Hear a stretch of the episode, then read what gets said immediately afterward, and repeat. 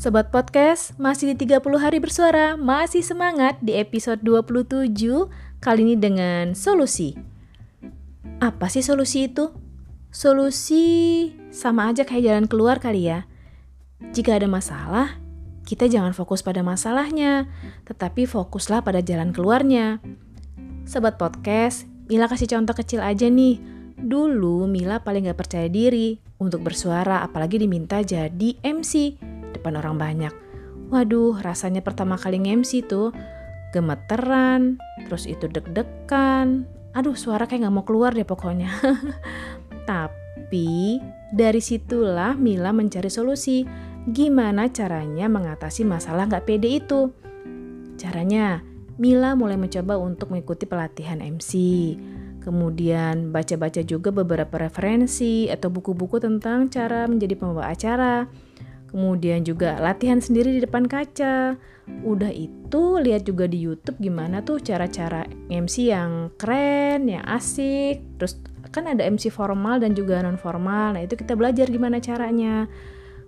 Terus kalau kamu mau tampil, coba deh kamu ambil naskah atau skrip itu, skrip MC-nya, Kemudian kamu coba latihan depan kaca.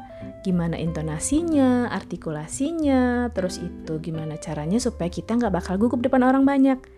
Dan satu lagi, jangan lupa untuk terus belajar dan berlatih. Untuk berani tampil dengan cara mengambil berbagai kesempatan menjadi MC.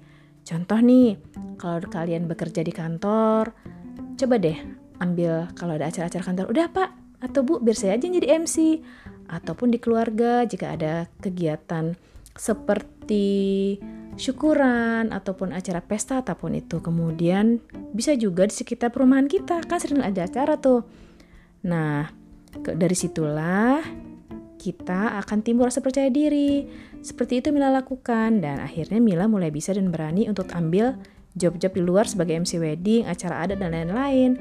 Itulah caranya, solusinya. Selain itu, kalian juga bisa gabung di komunitas tentang dunia suara, seperti yang sekarang Mila ikuti di Cafe DAI, yaitu komunitas voice over Daber Announcer Indonesia. Karena di sana banyak banget ilmu tentang dunia suara yang kita nggak tahu sebelumnya. Dan ada salah satu quote-nya yaitu, tidak ada suara yang jelek, hanya ada suara yang sudah terlatih dan belum terlatih. Nah, Sobat Podcast, itulah solusi-solusi dari Mila.